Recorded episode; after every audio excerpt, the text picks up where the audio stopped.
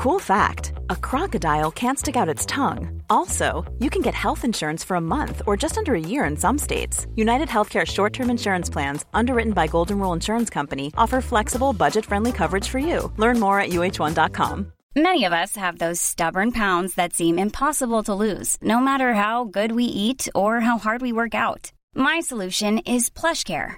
PlushCare is a leading telehealth provider with doctors who are there for you day and night to partner with you in your weight loss journey. They can prescribe FDA-approved weight loss medications like Wagovi and zepound for those who qualify. Plus, they accept most insurance plans. To get started, visit plushcare.com slash weight loss. That's plushcare.com slash weight loss.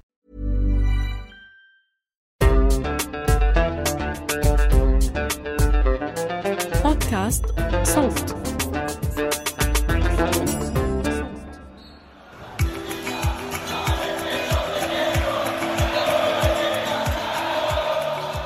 بعد ست دقائق من بداية الشوط الثاني؟ مارادونا بياخد الكرة خارج منطقة الجزاء بيستلمها بقدمه اليسرى السحرية بمر من لاعب لاعبين ثلاثة أربع لاعبين إنجليز بلحظة.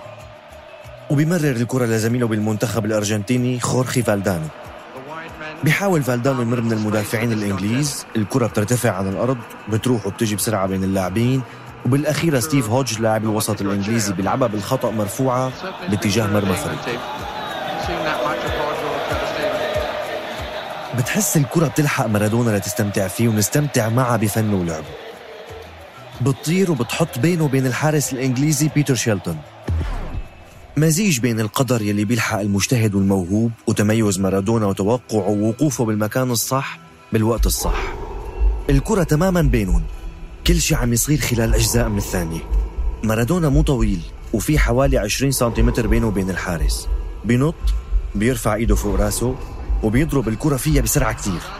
تدخل الكرة بالمرمى.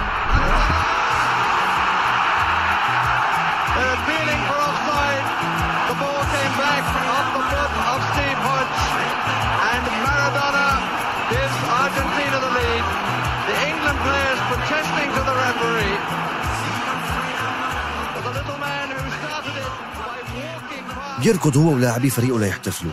ولاعبين الفريق الإنجليزي عم يعترضوا. بس الحكم التونسي علي بن ناصر بيحتسب الهدف في مباراة ربع النهائي تبع كأس العالم سنة 1986 بالمكسيك. طبعا لو كان في تقنية الفيديو أو الفار بهديك الأيام كان الهدف التاريخي التغى وما سمعنا فيه. هدف يد الإله مثل ما أطلقوا عليه. الهدف يلي قالوا أنه بيحمل انتقام الأرجنتين من إنجلترا على عدة حوادث صارت بين هالبلدين. هدف مارادونا يلي رد ولو جزء من اعتبار الأرجنتينيين بوجه الإنجليز يلي هزموهم هزيمة مذلة عسكريا وسياسيا قبل بكم سنة.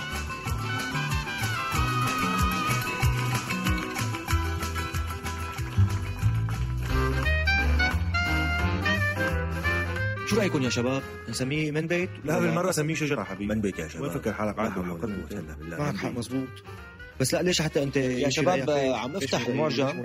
آه، من بيت من مرادفات كلمة أصل وإذا أخذنا الأصل الجذر اللغوي أهلين وسهلين ومرحبتين ببودكاست من بيت من إنتاج صوت معي أنا بشر نجار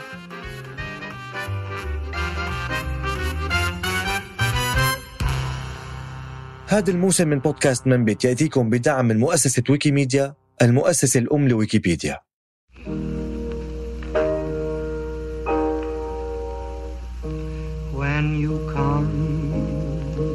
to the end of a perfect day. And you sit alone من نهاية الحرب العالمية الثانية والعالم الغربي بيشهد سلام بشكل عام بين دوله. يعني ما عاد شفت ألمانيا مثلا عم تحارب فرنسا أو أمريكا عم تحارب كندا. الحروب كانت مع الدول المستقلة حديثا أو بين الدول المستقلة حديثا. أو حروب بين الدول اللي استقلت بعد انهيار الاتحاد السوفيتي. بس إنه دولة غربية تحارب دولة غربية تانية فهذا شيء ما عاد شفناه. وحكاية اليوم بتبدأ من جزيرة موجودة فعليا بآخر الدنيا بآخر الكرة الأرضية بنصفها الجنوبي. كانت مسؤولة عن نشوب حرب أصيلة بين بريطانيا والأرجنتين. حرب استمرت كم يوم وانتصرت فيها بريطانيا. وهي نهاية لقصة طويلة بين الأرجنتين وبريطانيا بديت من قبل هالحرب بحوالي ال 150 سنة. وصل الإسبان للمنطقة اللي تسمى الأرجنتين اليوم بالقرن السادس عشر وأسسوا عدة مدن فيها مثل بوينوس آيرس وظلت الأرجنتين تحت الحكم الإسباني لسنة 1810 بهديك الفترة كانت الأفكار التنويرية طلعت من فرنسا بعد الثورة الفرنسية سنة 1789 كان الغرب كله تقريبا عبارة عن ممالك فيها نظام الحكم المطلق. يعني الملك فيها كان بيحكم بتفويض إلهي بحسب ما بيقول. يعني ببساطة هو سلطة الله على الأرض وما بصير حدا يناقشه. You hear the people sing, singing the song of angry men? It is the music of a people who will not be slaves again. فأجوا كتاب وحكماء تنويريين بفرنسا بالقرن الثامن عشر مثل جون جاك روسو مونتسكيو وقالوا إنه لازم الشعب يفكر ليش لحتى ما نناقش الملك بقراراته ليش قراراته تكون نهائية وإجبارية التنفيذ حتى لو مو لمصلحة الناس؟ وانتشرت هالأفكار وغيرها بين أوساط الشعب الفرنسي وبوقتها كانت الأوضاع الاقتصادية بالبلد سيئة. والملك لويس السادس عشر كان عم يدعم الأمريكان بحرمهم للاستقلال عن بريطانيا ويدفع لهم أموال طائلة.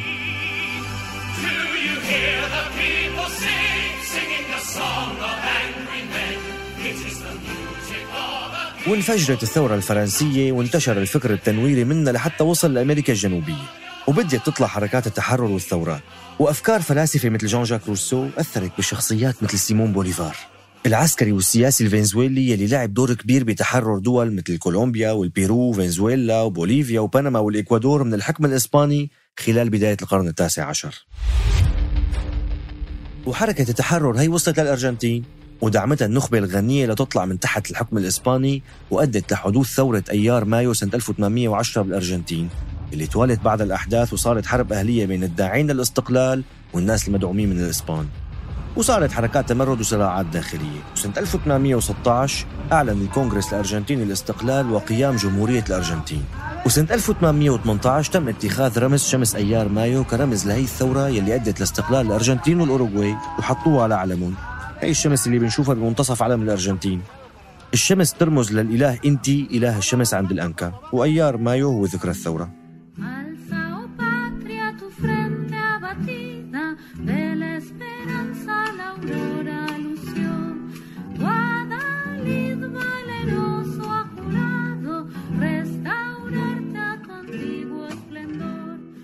وسنة 1861 وطد بارتولومي ميتري رجل السياسة والكاتب والعسكري دعائم الحكم بالعاصمة بوينوس آيرس وتم انتخابه كأول رئيس للأرجنتين الموحدة. وهو والرؤساء اللي بعده أسسوا للأرجنتين المتطورة. وبين عامي 1878 و 1884 صارت حملات الاستيلاء على الصحراء يلي أدت للسيطرة على أراضي واسعة بالأرجنتين من أراضي السكان الأصليين. إما بالقضاء عليهم أو بطردهم.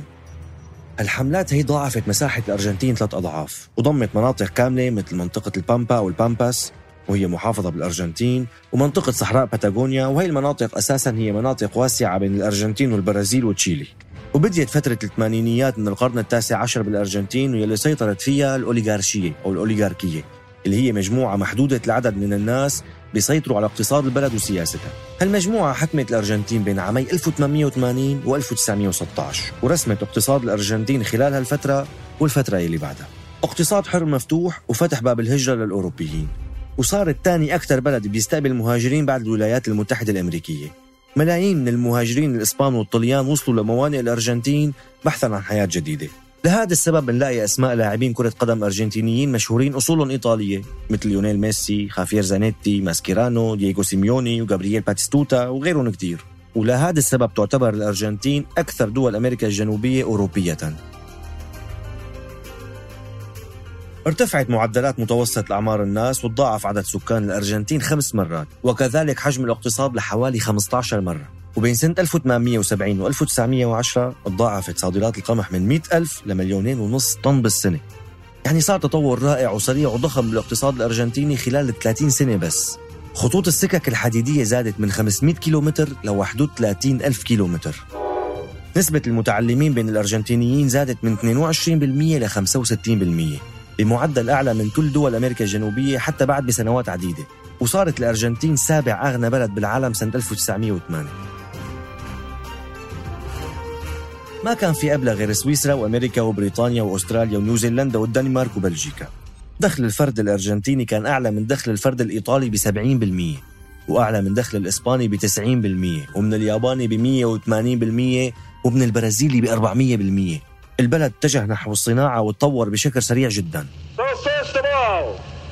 Let me assert my firm belief that the only thing we have to fear is fear itself.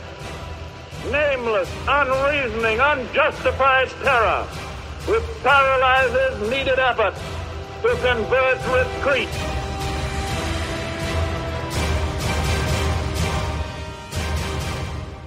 وخلال الحرب العالمية الأولى ظلت الأرجنتين حيادية وخلال العشرينات من القرن العشرين ال 1920 عانت الأرجنتين من أزمة مالية متأثرة بأزمة الكساد الكبير اللي ضربت الاقتصاد الأمريكي والعالمي سنة 1929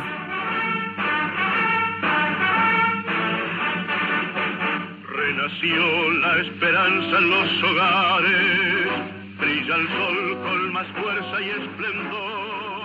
بس بسنة 1930 بلش الوضع يتغير بالأرجنتين. بدأ عصر الانقلابات بالأرجنتين من انقلاب عسكري خلى البلد تبدأ برحلتها نحو التراجع الاقتصادي والاجتماعي. وعموما مراحل الحكم الديمقراطي ما كانت تدوم لفترات طويلة. وخلصت الحرب العالمية الثانية وفاز خوان بيرون سنة 1946 بالانتخابات الرئاسية وعمل إصلاحات اجتماعية واقتصادية كثيرة وتسمت سياسته وفترته بالبيرونية بيرونيزم. بيرون كمان شارك بانقلاب عسكري سابق وما كان رجل مدني بس بهالمرحلة تم انتخابه ديمقراطيا.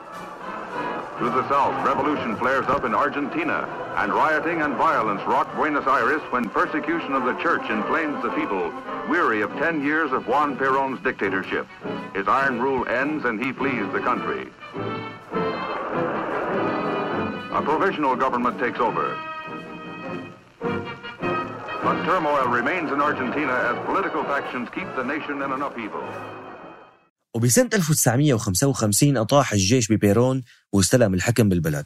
ما كتير استساغوا إصلاحات بيرون على حساب النخبة الغنية المتحالفة مع الجيش. وبديت فترة مظلمة جدا من تاريخ الأرجنتين. فترة مليانة حروب أهلية وقمع وقتل. رجع بيرون للحكم بالسبعينات وحكم لمدة سنة لحتى توفى. وبعدين حكم العسكر البلد بالحديد والنار بقيادة خورخي فيديلا turns like a little eel and comes away from trouble. Little squat man comes inside Butcher, leaves him for dead. Outside Fenwick leaves him for dead. وبهي المرحلة الصعبة ولد بطل قصتنا دييغو أرماندو مارادونا ولد لعائلة فقيرة بوحدة من ضواحي العاصمة اسمها فيا فيوريتو ضاحية عشوائية بيوتها مصنوعة من التوتيا يعني حتى بناء ما فيها فقر مدقع وحياة صعبة وظروف مزرية شوارع معبدة ما في مياه شرب ومجارير صحية ما في أفقر ضاحية بالعاصمة كان أي واحد عايش فيها عنده حلم واحد فقط إنه يطلع منها دييغو ولد لعائلة بهذا الحي. بيقول بإحدى مقابلاته إنه إجا بعد أربع بنات. كان أبوه بده صبي. وكان أبوه يشتغل عامل مياوي. يعني كل يوم الصبح الساعة أربعة بيطلع على الشغل بيرجع بآخر الليل بينام. فقر رهيب. وبعمر ثلاث سنين حدا من قرايبين دييغو جاب له كرة. مثل أي ولد تاني.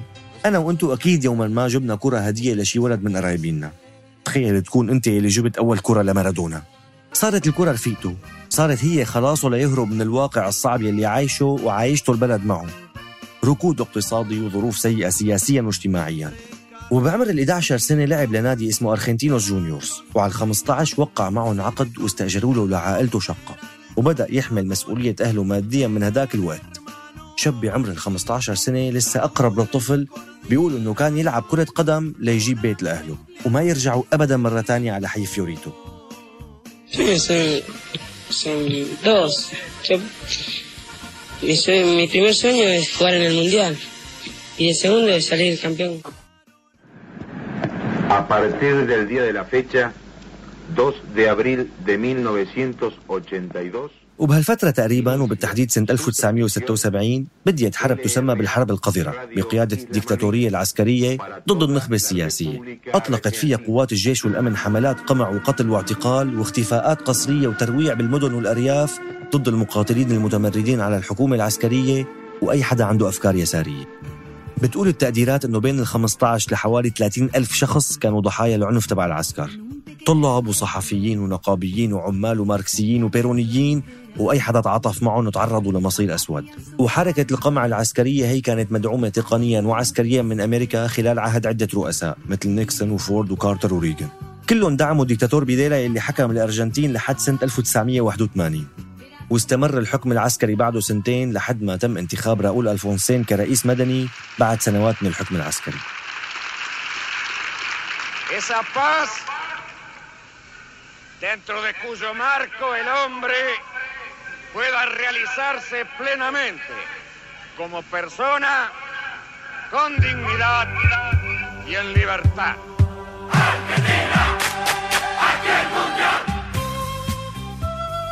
وبعهد خورخي فيديلا تم تنظيم كأس العالم بالأرجنتين سنة 1978 يلي فازت فيه الأرجنتين واستخدم الفوز للتغطية على معاناة الشعب الأرجنتيني من القمع بوقتها كان عمر مارادونا 18 سنة. هي النسخة نفسها اللي ما لعب فيها أسطورة هولندا ونادي برشلونة يوهان كرويف.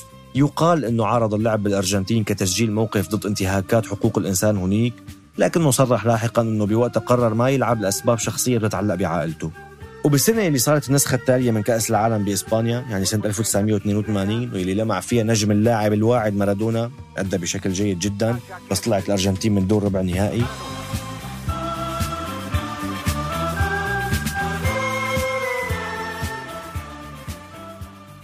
Mr. Speaker, I'm sure that the whole House will join me in condemning totally this unprovoked aggression by the government of Argentina against British territory. It has not a shred of justification and not a scrap of legality. بهي السنة نفسها صار حدث مهم بتاريخ الأرجنتين قرر الرئيس الجديد للأرجنتين الخينيرال جاليتيري أنه يبعث وحداته العسكرية على جزر قريبة كتير من الأرجنتين بالمحيط الأطلسي بس هي خارج السلطة الأرجنتينية. وإذا نعمل نظرة سريعة على خريطة الأرجنتين بنشوف أنه بأقصى الجنوب الغربي للمحيط الأطلسي وعلى بعد حوالي 480 كيلومتر من شواطئ الأرجنتين الشرقية بيقع أرخبيل من الجزر. هالجزر تسمى جزر لاس مالفيناس أو جزر الفوكلاند.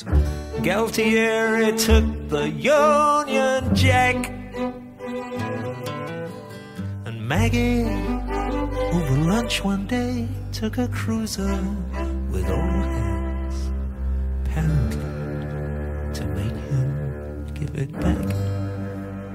جزر كانت غير مأهولة ويقال أن الأوروبيين اكتشفوها بالقرن السابع عشر.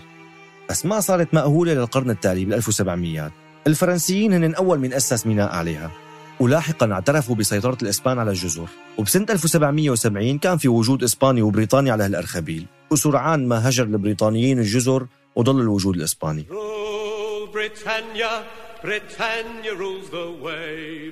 وبال 1830 أرسلت بريطانيا قوات لتعيد سيطرتها عليها. بس بشكل عام ما كان في سيطرة حقيقية مباشرة من الحكومة البريطانية على الجزر. وابتداء من 1881 صارت مستقلة ماليا عن بريطانيا وبتعتمد بشكل أساسي على تجارة الصوف معها.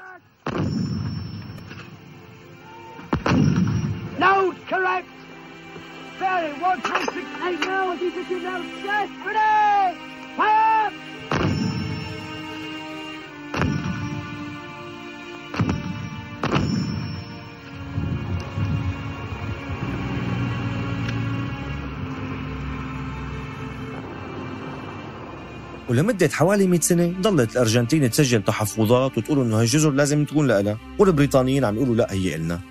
هيك لسنة 1982 لحتى حطت القوات الأرجنتينية على شواطئ هالجزر وسيطرت عليها فأرسلت رئيسة الوزراء البريطانية القوية مارغريت تاتشر القوات البريطانية وخلال 74 يوم استسلمت القوات الأرجنتينية وراح المئات ضحايا لهي الحرب الخاطفة The Argentinian junta, which is a fascist gang, has invaded our sovereign territory. This cannot be tolerated. May I make plain my negotiating position? I will not negotiate with criminals or thugs. The Falkland Islands belong to Britain, and I want them back. Eh, Argentina, en representación de Latinoamérica, no va a levantar bandera blanca. الأرجنتين شافت الموضوع على أنه استرجاع الأراضي محتلة وبريطانيا شافته على أنه اعتداء على الأراضي تابعة للعرش البريطاني. هالحرب هي أججت المشاعر الوطنية للشعب الأرجنتيني.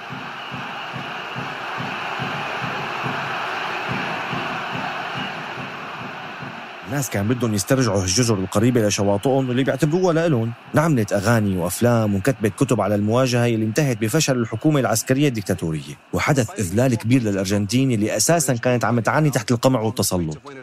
الناس حسوا بهزيمة مخزية أمام بريطانيا اللي مشت كلمتها وأخذت الجزر. والجيش اللي مو مخلي حدا يتنفس بالأرجنتين عاد يجر أذيال الهزيمة.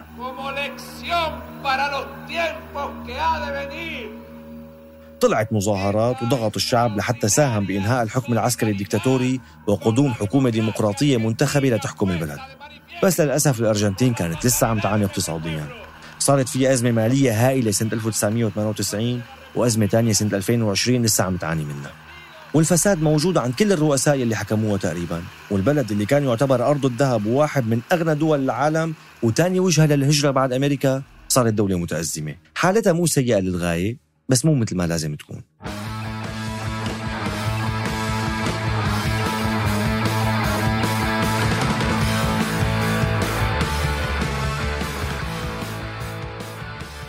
بالنهاية فرصة رد اعتبار الأرجنتين من بريطانيا ما سنحت إلا بعد أربع سنوات من الحرب. تراكمات من الهزائم العسكرية والسياسية أمام بريطانيا بجزر الفوكلاند وفوق كل هاد بكأس العالم سنة 1966 اللي فازت فيه إنجلترا كان في مباراة بين إنجلترا والأرجنتين. انطرد لاعب أرجنتيني بوقتها اسمه أنطونيو راتين فقال المدرب البريطاني عن اللاعبين الأرجنتينيين إنهم حيوانات. وإجا مونديال 1986 بقى سيدي بالمكسيك مشان ترد الأرجنتين اعتبارها بمباراة قد تكون أكثر مباراة تاريخية ومعلقة بالأذهان. مو بس الأرجنتينيين بل لكل متابعي كرة القدم.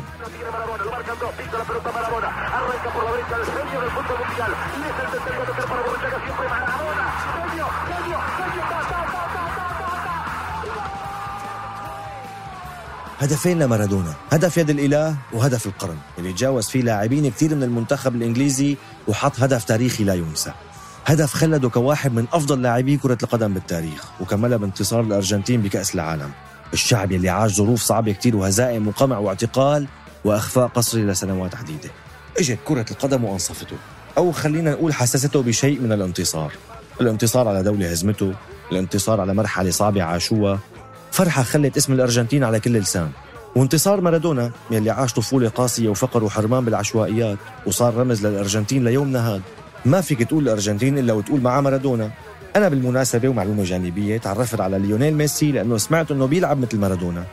كنت شايف وثائقي فرنسي إنتاج سنة 2006 اسمه مارادونا الفتى الذهبي بيحكي عنه ووقعت بغرام لعبه. وبعد ذلك أتى ميسي الذي تربع على عرش قلبي كرويا. سرحنا معكم بمعلومات شخصية ملهاش أي ستين لازمة. المهم بيقول باحث فرنسي متخصص بالعلاقات الدولية اسمه باسكال بونيفاس إنه كرة القدم اليوم هي وسيلة بديلة للمواجهة بين الدول. بدل ما يتواجهوا عسكريا صاروا عم يتواجهوا على أرض الملعب. وبأرض الملعب مو بالضرورة دائما تفوز الدولة الأغنى أو الدولة المتطورة أكثر ممكن روح اللاعبين وموهبة لاعب مجنون ومبدع مثل ديغو أرماندو مارادونا تعيد الهيبة والاعتبار لدولة وشعب. ومثل ما قال مارادونا بوثائق صور معه كأرجنتينيين لم نكن نعرف ما كان يفعله الجيش. قالوا لنا أنهم انتصروا في الحرب ولكن إنجلترا هزمتنا 20 صفر. كان الأمر صعبا فكانت مباراتنا معهم أشبه بحرب أخرى. أعرف أنني أحرزت الهدف بيدي. لم أكن أنوي ذلك. حدث كل شيء بسرعة ولم يرها حكم الراية. نظر حكم الساحة وقال لي هدف.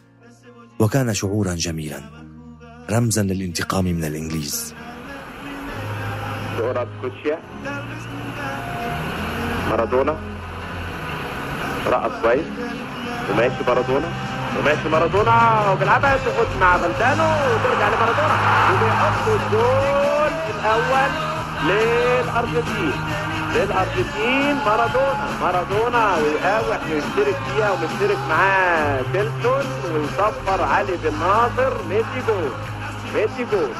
جول لعبت وفات من واحد واثنين وثلاثة مارادونا. Aguantamos cualquier tipo de dolor aunque nos duela. Aguantamos Pinochet, aguantamos a Videla, Franco, Mao, Ríos, Montt, Mugabe, Hitler, Idi Amin, Stalin, Bush, Truman, كتب هذه الحلقة وقدمها بشر نجار. إنتاج وتحرير أحمد إيمان زكريا. تدقيق بيان عاروري. ترجمة كريستينا كاردو إخراج صوتي تيسير قباني. فريق النشر والترويج مرام النبالي. وبيان حبيب وأمامة عثمان ومعالي الغريب. هذا الموسم من بودكاست منبت من إنتاج صوت ويأتيكم بدعم من مؤسسة ويكيميديا المؤسسة الأم لويكيبيديا الآراء الواردة في حلقات البودكاست لا تعبر عن رأي مؤسسة ويكيميديا أو العاملين بها أو انتماءاتها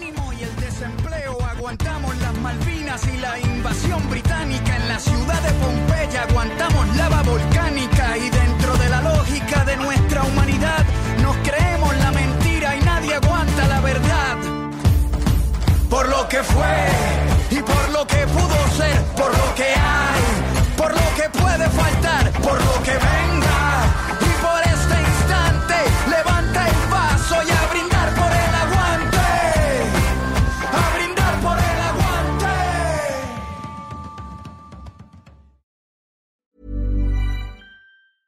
Even when we're on a budget, we still deserve nice things. Quince is a place to scoop up stunning high-end goods for 50 to 80% less than similar brands. They have buttery soft cashmere sweaters starting at $50, luxurious Italian leather bags, and so much more. Plus, Quince only works with factories that use safe, ethical, and responsible manufacturing. Get the high-end goods you'll love without the high price tag with Quince. Go to quince.com slash style for free shipping and 365-day returns.